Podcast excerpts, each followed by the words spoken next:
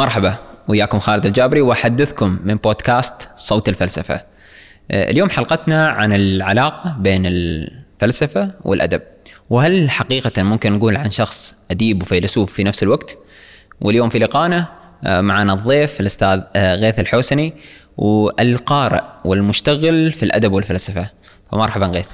حيا الله خالد. حلقتنا اليوم عن فلسفة الرواية والأدب. هل هناك حقيقة في علاقة بين الفلسفة والأدب والرواية وغيرها من أشكال الأدب؟ طبعا. يعني أنت أول ما تدخل خليني أقول لك هذه القصة قبل ما ندخل في يعني أجواء السؤال هذا الخطير. طبعا أنت أول ما تدخل إلى أي مكتبة سواء كانت هاي المكتبة عامة أو مكتبة تجارية تجد أن الفارق ما بين الأدب وما بين الفلسفة باعتبارهما حقلان مختلفان كبير جدا.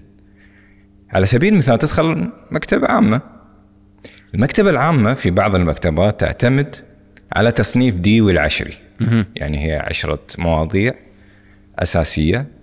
الإنسان لا يستطيع أن يفكر إلا من خلال تلك العشر مواضيع. الموضوع الثاني أو رقم واحد طبعا هو التصنيف يبدأ من الصفر. صفر معلومات عامة. اثنين الفلسفة وعلم النفس. ثم بعد ذلك ننتقل للعدد رقم ثمانية يعني ما قبل الأخير تأتي هناك الآداب. فهذه إشارة كأنها إشارة إلى أن الحقلين لا يلتقيان أبدا وأن لكل منهما حدوده الخاصة معالمه الخاصة مناهجه الخاصة. وإن كان هذا صحيح يعني في فترة من الفترات السابقة إلا أن الكلام عن أن الفصل ما بينهما غير موجود آه، ابدا وكلاهما متداخلين فيما بينهما. يعني آه، هناك يعني خلينا نقول في مناطق مشتركة أوكي اتفقت آه، أو اتفقت الآداب مع الفلسفة على الخوض فيها. من تلك ال يعني ال الأشياء المشتركة الأساسية هو معرفة الحقيقة. أين تكمن الحقيقة؟ حتى في الأدب؟ حتى في الأدب. الأدب تشير إلى الحقيقة ولكن ليس بالإصبع. عبر الإشارة عبر التشبيهات عبر اللغة المجازية عبر خلينا نقول المعنى الغامض. التي الذي هذا المعنى نستطيع أن نكتشف فيه معاني متعددة متفجرة. بينما الفلسفة في جزء من يعني خلينا نقول في جزء من تياراتها الفلسفه آه، تشير إلى الحقيقة مباشرة لأنها تخوض في الأشياء المحسوسة في الأشياء الواقعية التي أمامي. أستطيع أن أحللها كأنها يعني يعني الأدباء يقولون عن هؤلاء الفلاسفة أن هؤلاء الفلاسفة الذين يعتمدون البرهان والمنطق في فهم الأشياء هم عبيد للعلم. بينما نحن الأدباء آه، مفارقين لهذه العبودية هذه الحدود. فنحن نكتشف الإنسان وغور النفس البشرية عن طريق آه، تداول المعنى هذا وتقريبه من خلال آه، اكتشاف اللغة. يعني اللغة آه، فينكشتاين هو يعتبر من يعني من الفلاسفة غير التأمليين التحليليين. يعني آه، واحد زائد واحد عنده يساوي اثنين يعني. بينما في الأدب لا تجد هذا المنطق يعني. فقال إن اللغة محدودة وتنطوي على متناقضات كثيرة. فلا نستطيع من خلال اللغة نكتشف يعني الحقيقة بشكل أو بآخر يعني. بينما الأدباء بس هو فيلسوف. هو فيلسوف. وعلى فكرة ذكرناه أيضا في حلقة سابقة. فهو فيلسوف وأنت تقول أنه يعطي محدودية للغة شكل من أشكال المحدوديه للغه إنه ما نقدر نوصل للحقيقه من خلال اللغة. إلى حد ما صحيح. وهذا يؤيد الرأي مال الأدب ادباء خلينا نقول. رأي الأدباء أن الحقيقة يعني اللغة لا تستطيع أن تشير بشكل مباشر إلى الحقيقة. أه لا تشير اللغة. هم يختلفون مع هذه النظرة لأنها ليست محدودة وقابلة أنها تكتشف وتتولد من خلالها المعاني. الأدباء. الأدباء. طبعا الفلسفة تتهم الأدب. الفلسفه تتهم الأدب بأنها ليست أو هذا الحقل ليس هو حقل توليد الأفكار لأن لأن الآداب تعتمد على يعني شيئين اساسيين اللغة والتخيل. بينما الأد... بينما ال- الفلاسفة قد أوكي قد أكتشف يعني الحقائق عن طريق اللغة وأيضا الأس... العمل الأساسي هو العقل فلذلك شو أشكال الأدب اللي تقصدها؟ شو الأشكال اللي تقصدها؟ لأن في أنواع كثيرة من الأدب، ما ممكن إحنا مركزين شوية على الرواية والرواية مثل ما قلت تعتمد والرواية. كثير على التخيل. نعم بالضبط أنا أعتقد إن طبعا أنت تعرف إن الرواية هو منتوج آه، غربي إذا صح التعبير. وفي كتاب اسمه فن الرواية. هذا الكتاب آه، كتبه الروائي الشهير ميلان كونديرا. كتب رواية اسمها آه، الكائن الذي لا تحتمل خفته. وهذه تعتبر من الكتب الفلسفية الصعبة يعني. وفي فن الرواية ماذا قال ميلان كونديرا؟ اقتبس عبارة من هايدجر الفيلسوف الألماني صاحب الكينونة والزمان آه، قال أن يعني طبعا هذه كلمه كأنها شبه ثورية في عالم الفلسفة يعني. قال أن الأوروبيين خلال المدة السابقة لم يكتشفوا الوجود إلا عن طريق قراءتهم للآداب التي كانت هذه الحقيقة التي كانت متخفية في آه، آه، الأدب في الرواية. آه، ف يعني الرواية ساهمت في كي تكون على حد تعبير سارتر. طبعا سارتر أيضا يستخدم ال- ال- الأدب على أساس إنها تكون فلسفته الوجودية وفهم معنى الإنسان خصوصا يعني هذه الفترة ما بعد الحرب العالمية الثانية. قال إن الآداب أو استخدم ال- الخلق الأدبي okay لكي تصل هذه الفلسفة إلى نبض الشارع وتكون فاعلة في المعاش. فيعني ال ال و- العلاقة متجاذبة كأنها أنت في البداية كنت تقول من الصعب جدا أن نفصل بينهما ولو نعم. تصنيف العشري للمكتبات يفصل بينهما يفصل بينهم. وفي نفس الوقت قلت إن في اتهامات. ذكرت اتهام الأدب للفلاسفة. نعم بالضبط. هل الفلاسفة يتهمون الأدباء بشيء؟ آه، طبعا أكيد. يعني آه، طردوا من آه، جمهورية أفلاطون. أفلاطون في كتابه الجمهورية طرد الشعراء على أساس إن القول الشعري هو أدنى مرتبة من القول الفلسفي. لأنهم يعتمدون مثل ما ذكرنا على الوهم والخيال وإن يعني أنا لا أستطيع أن أقيس هذه العبارات. في بعض العبارات تكون هلامية يعني مثلا آه، ال- الزمان المؤقت أو شيء من هذا من هذا الكلام. فهذه العبارة لا يمكن آه، أن تقاس يعني كلمة مجردة لا يمكن أن أفهمها عن طريق العقل والبرهان. بس أنت تتكلم عن رأي قيل قبل آلاف السنين، اليوم في واقعنا المعاش نشوف كثير من الناس آه، ممكن يقول أنا والله مهتم بالفلسفة وغالبا هم أدباء. وكثير منهم أدباء، بالذات لو دخلت حتى على حساب الإنستغرام كشفت كثير من القراء يكتب ادبا ولكن يقرأ كثيرا من الفلسفة. فسابقا ممكن كان في هذا الشكل من المجاذبات مثل ما قلت أفلاطون منعهم آه، بتصنيف ديوي آه، فصل لكن اليوم نشوف في تداخل لهذا نحن اخترنا هالحلقة إنه هل فعليا يوم أقرأ نص أدبي كان رواية شعر أو غيره. هل أنا أقرأ فلسفة؟ هل أنا شخص يوم أقول أنا أديب؟ هل ممكن أقول في نفس الوقت أنا أديب وفيلسوف؟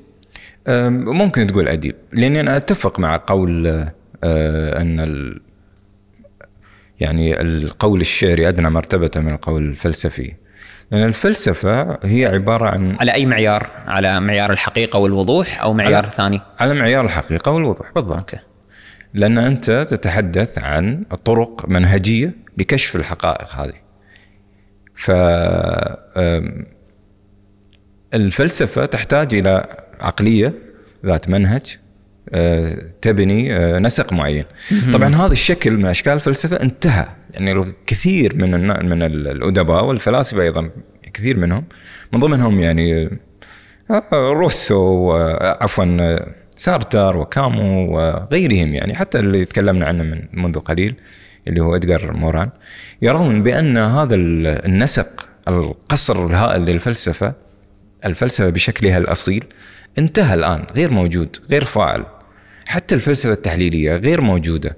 هي لابد أن يعني تنتج أفكارها من خلال أنها تتماهى مع بعض العلوم الأخرى. يعني مثلا اريك فروم. يصعب تصنيفه. هل هو فيلسوف أو هو عالم نفس؟ إلى حد ما يصعب آه، تصنيفه. آه، وفق آه، هل هو فيلسوف أو عالم نفس. لأنه يمزج ما بين الاثنين. لأنه ينتج علم نفس متفلسف. أيضا الأدباء شو تقصد بعلم نفس متفلسف؟ يعني قائم على أقوال الفلاسفة المنهجيين السابقين بمعنى أنه لا يخرج من طريقة تفكيرهم اللي هي طريقة البرهان العقلي. لا يخرج من هذه الدائرة. بالإضافة إلى أنه يعني يعالج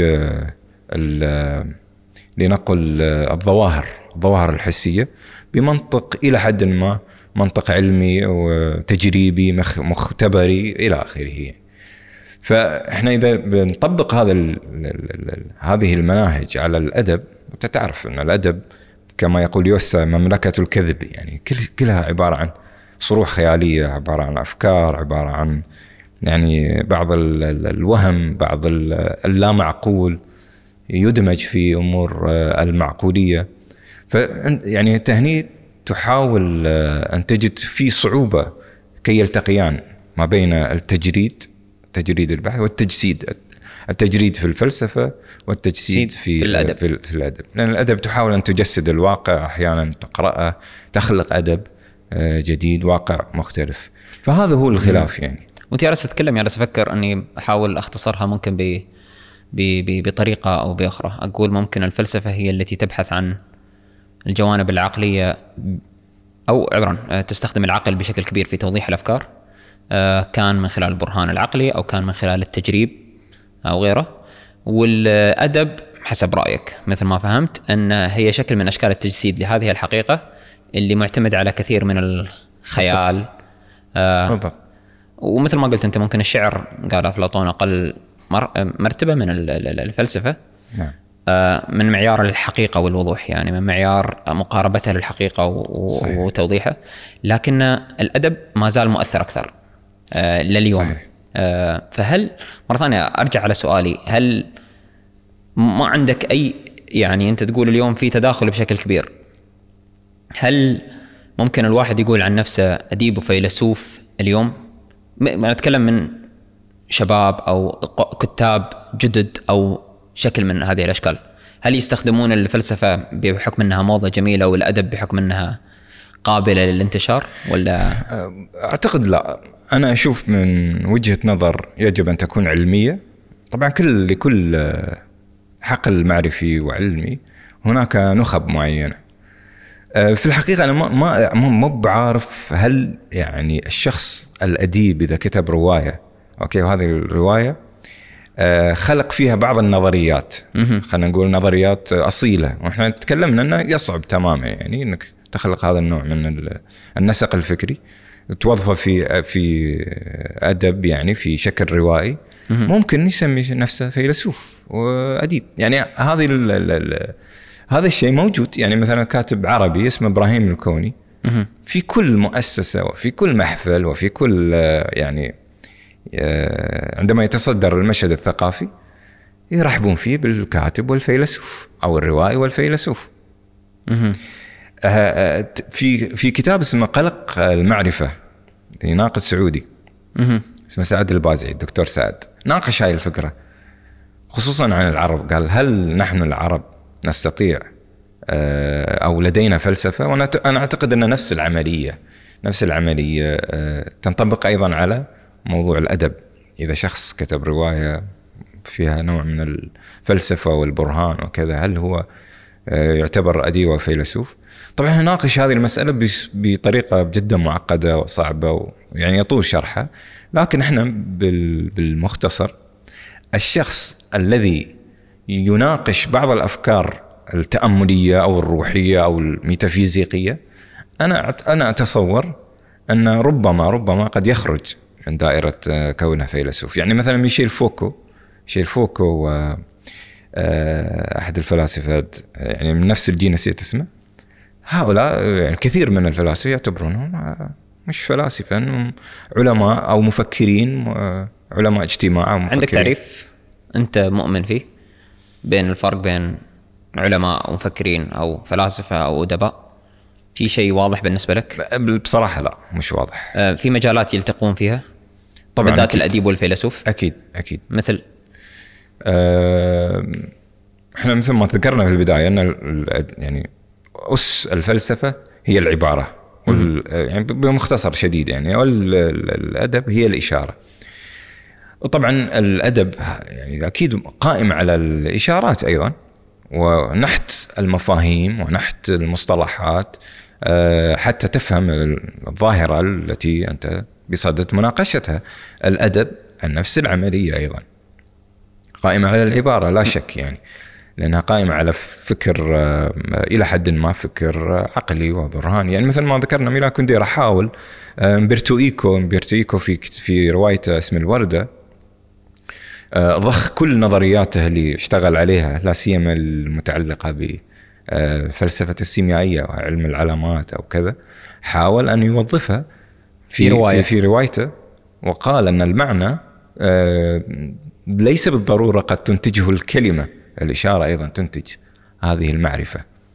فيعني من خلال الرواية أيضا حاول أن يوصل تلك الفكرة وأنا أشوف بالنسبة لي آه، إمبرتو إيكو فيلسوف ورواي إبراهيم الكوني أنا أرجع له يعني وظف آه، أفكاره التي تعتمد على الميثولوجيا وهي صراع ما بين الميثولوجيا والأيديولوجيا في مسرح الصحراء. الصحراء هي التي توفر أو انتصر إلى آه، كيف انتصر الميثولوجيا عبر مسرحة تلك الأفكار في اجواء من الص- شو الصحراء تقصد بالميثولوجيا والأيديولوجيا والصراع اللي بينهم؟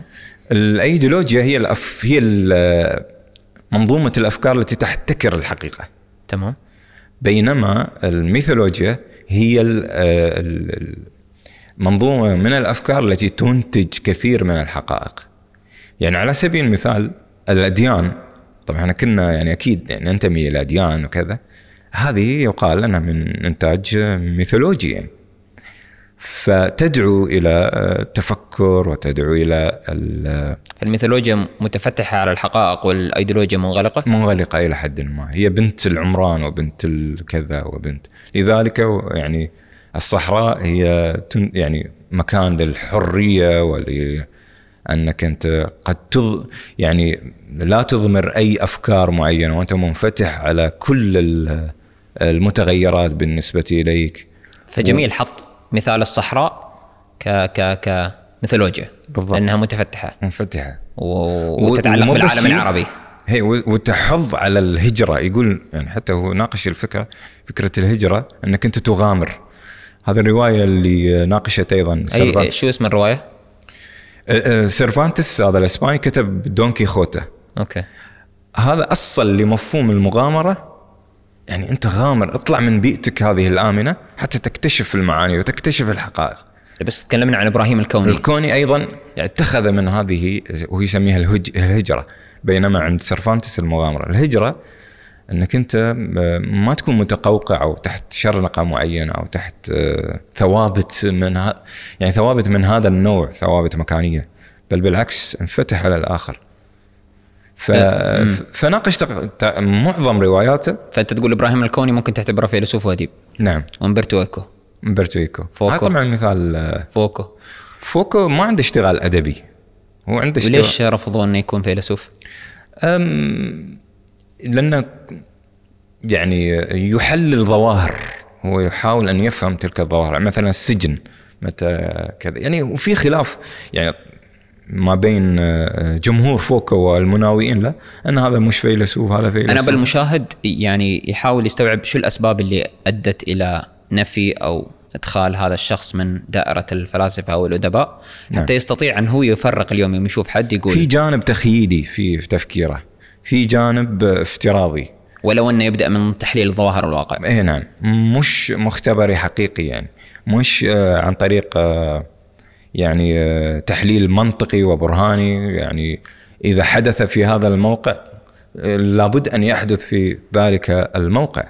يعني أما أنك أنت تعالج القضايا عن طريق يعني افتراضات معينة أو استنتاجات معينة أو هذه غير موجودة في يعني نطاق الفلسفة بشكل عام يعني. والكاتب الألماني اللي هو جورج هانز جادامير كتب كتاب مفصلي ناقش هاي المسائل اسمه الحقيقة والمنهج. آه يعني هو يعتبر من آه يعني من أسس التيار اللي هو يسمونه التأويلية. هرمونيطيقيا هرمونيطيقا هو يعني يعني أسس إلى هذا المنهج. وطبعا هذا المنهج أيضا لا يعد يعني عند الجزء من الفلاسفة. شو الفكرة الأساسية لهذا المنهج؟ آه يعني أنا اللي أعرفه إذا تسمح لي انه انه هو موضوع اللغة محوري عنده بشكل كبير. بالضبط محوري جدا. لأنه قائم على التأويل وتعدد المعاني واكتشافها. حتى يعني سمى آه، الكتابة الأدبية هي جزء من اللعبة. يعني سماها بهذا المصطلح اللعبة في يعني قضايا اللغة والأدب والاشتغال آه، اللي هو قائم على التخيل والخيال. آه، نفس نفس هذا المنهج أيضا الفرنسي بول ريكور في السرد والزمان أيضا ناقش هذه الابعاد يعني. فيعني تقدر تقول أن مسألة أن هذا فيلسوف وهذا أديب آه، وحسب غير واردة غير آه، موجودة. عبد السلام بن عبد العالي المشتغل أيضا بقضايا الفلسفة قال أن الفلسفة هي مبثوثة في كل العلوم الآن ولا يوجد مثل ما ذكرنا في بداية الحلقة أن فلسفة أصيلة خالية من كل هذه الاستنتاجات والمعنى اللي هو قائم على ربما الخيال يعني. ف إذا مثلا أنت بتسألني شو رأيك شو كذا صعب جدا يعني. أنا بالنهاية قارئ يعني عرفت؟ قارئ و... قارئ متواضع. قارئ أقل منه متواضع جدا يعني. هذا يؤكد إيه. الفكرة. اي نعم. فسبحان الله يعني بس يعني آه، المزج ما بين هذين الحقلين هو مزج ممتع جدا وجميل جدا يرفع يرفع من مستوى تحليلك الناقد وتحليلك آه، أو فكرك آه، الفكرة العقلية التي لديك كيف تحلل كيف تنتقد كيف يعني آه تميز ما بين هذا وذاك. يعني كل هذه الأمور آه حصرا من وجهة نظري تجدها في الأدب وفي الفلسفة. ممتاز تكلمت قبل قليل عن موضوع الفائدة من إنك تقرأ الأدب والفلسفة أنها تزيد من قدرات معينة عقلية لديك. ممكن أقول الشخص المشتغل بهذا الأمر إذا يبي ينتج إنتاج كيف ممكن يوظف الفلسفة والأدب آه، مع بعضهم البعض. أو حتى القارئ. هي طبعا لا شك هي مهارة وملكه معينة. ملكة من اكتساب المعرفة عن طريق الاجتهاد والمثابرة في قراءة آه، في كلا الحقلين يعني. إحنا يعني إذا بنتناول على سبيل المثال الآداب ترى الآداب يعني تقدر تقول آه، فيها مستويات كثيرة يعني. يسمى هناك الفن للفن تسمى هناك تيارات يعني أدبية الأدب الواقعي الأدب الاشتراكي الأدب آه، الاجتماعي الأدب النفساني. يعني إحنا نتكلم عن مغامرة هائلة جدا من الشكل أو أشكال الآداب بصفة عامة. وأيضا هناك الفلسفي يعني. بالمقابل أيضا الفلسفة تنطوي على كثير من التيارات وكثير من المذاهب والمدارس وإلى آخره. لكن آه، يعني أنت تحتاج أو يتطلب منك أنك تقرأ عيون الأدب حتى تؤسس نفسك صح بشكل يعني مؤصل حقيقي. وأيضا في الفلسفة أنت بحاجة إلى أن تكتسب اللغة المفاهيمية الفلسفية حتى تستطيع أن توظفها آه، ادبيا. ف إحنا عندنا نستخدم في في الدارجة الفلسفة الشخص اللي هو يدعي إنه يعرف كل شيء يقول لا تفلسفوا علي وايد يعني. أكثر الروايات أو أكثر الأشخاص الذين هاي وجهة نظري يعني الذين يتناولون آه، فكرة الأدب ويحاولون يضعون فلسفة من هذا النوع هم في في يعني منحصرين في هذا الشأن. اللي هو؟ اللي هو إنه يقول كلام أحيانا آه، كأنه فلسفة لكنه ليس فلسفة يعني. خلينا أقول كيف ممكن نوظف الأفكار الفلسفية بشكل صحيح في الأدب والرواية. عندك آه، عن طريق عنصرين مهمين اللغة المفاهيمية. واللغة أو آه، اللغة المفاهيمية طبعا آه، والتاريخ الفلسفه بشكل عام. والعنصر الآخر هو التجربة الحقيقية. أنت من خلال التجربه تستطيع أن تؤسس أو أن تضع فلسفة معينة يعني. يعني مثلا جون بول سارتر وظف هذا ال- التيار الوجوديه حينما ناقش كثير من آه، آه، قضايا الوجود آه، واختلف وحتى نيتشه مثلا فريدريك نيتشه هو يعتبر يعني خصوصا فلاسفه ما بعد الحداثيين هو من هذا النوع أديب فيلسوف لأنه استخدم اللغة واستخدم الفلسفة. استخدم الأدب؟ واستخ... هكذا تكلم زرادشت هو كتاب أدبي بدرجة أنت. قاعد تذكر أسماء فلاسفة كثير مشهورين. هل ممكن أقول واحدة من أسباب شهرتهم الأدب؟ طبعا. بالضبط. هل في روايات مشهورة ذات يعني مثلا برند آه، برنت راسل مثلا راسل غير مشهور مثل فريدريك نيتشه. مع إنه من حيث المبدأ آه، راسل هو فيلسوف آه، رصين جدا يعني فيلسوف تحليلي. بينما نيتشه مثلا تقريبا يبتعد عن هذه النقطة. عرفت كيف؟ اللي هي نقطة البرهان عن طريق المنطق وإلى آخره وهو أسس آه، فجر كثير من ال- الموضوعات التي تتناول آه، الفلسفة الميتافيزيقية واللغة وإلى آخره لو المشاهد يبغى يقرأ كتب ذات طابع فلسفي روايات بالذات هل في أمثلة في آه، بالك؟ يقرأ أعمال آه، أنت ذكرت زرادشت آه، هكذا تكلم زرادشت نعم ممكن يقرأها وهو العنوان الفرعي كتاب للجميع وليس لأحد. يعني هذه بروحها أصلا يعني كلمة متفلسفة وغير مفهومة عند يعني آه، الفلاسفة أو التيار الآخر. يعني آه، هكذا تكلم زرادشت. آه، خلينا نتكلم عن نروح شوي إلى ال- الروائي يعني اللي آه، طبقوا الشرط الروائي شخصيات وحبكة وإلى آخره. آه، اسم الوردة أو جميع أعمال أمبرتو إيكو. اسم الوردة وجزيرة اليوم السابق. يمكن آه، الشعلة الخفية إلى حد ما يعني آه، ابتعد عن شخصيته الفيلسوف يعني إيكو. عندك آه، آه، ميلان كونديرا عندك جيمس جويس آه، مارسيل بروست آه، عندك آه، آه، كثير من ال- آه، الروائيين. خلني أتذكر آه، أبغى أحاول أتذكر آه، روائيين عرب. إبراهيم الكوني مثلا. إبراهيم الكوني معظم أعماله آه، في الشعر أدونيس مثلا حاول إنه يفلسف اللغة. أدونيس آه، محمود درويش. ففي في اشتغال آه، يعني يتماهى ما بين ما بين الشكلين الروائي والفلسفي. في عرب قدماء شوي ممكن آه، يستخدمون نفس في يعني بالمناسبة فريدريك نيتشه إحنا ذكرنا إنه يعني وظف آه، الفلسفة في في شكل من أشكال الأدب. آه، هناك ابن طفيل مثلا كتاب حي بن يقظان. يعني تقريبا شكل بالنسبة لهؤلاء في فترة من الفترات فتح جديد يعني. آه، يعني هذا النوع من الأدب المتفلسف غير مطروق تماما يعني.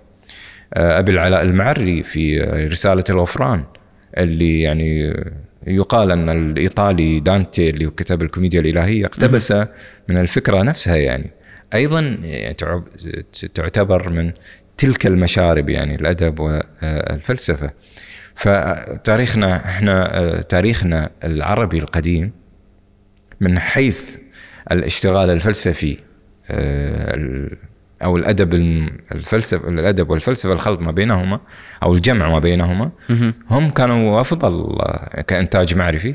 هم أعتقد أن أفضل. وأنا أحيل القارئ أيضا إلى كتاب قلق المعرفة وفيها مناقشة لتلك آه، الفكرة. هل إحنا يعني آه، لماذا لماذا لا نستطيع أن ننتج فلسفة حقيقية تقارع مثلا الفلسفة الغربية؟ ناقش هذه المسألة. أيضا آه، آه، ذكرنا أمبرتو إيكو صح؟ صح. أنا وايد منحاز لها وايد احبها وايد حتى يوم كلمتك قبل اللقاء آه، أعطيتني ليش؟ أمبرتو إيكو مرتين ثلاث مرات ليش؟ لأن في كلمة هلامية تقال عن الكتب أن كتاب غير حياتي أوكي.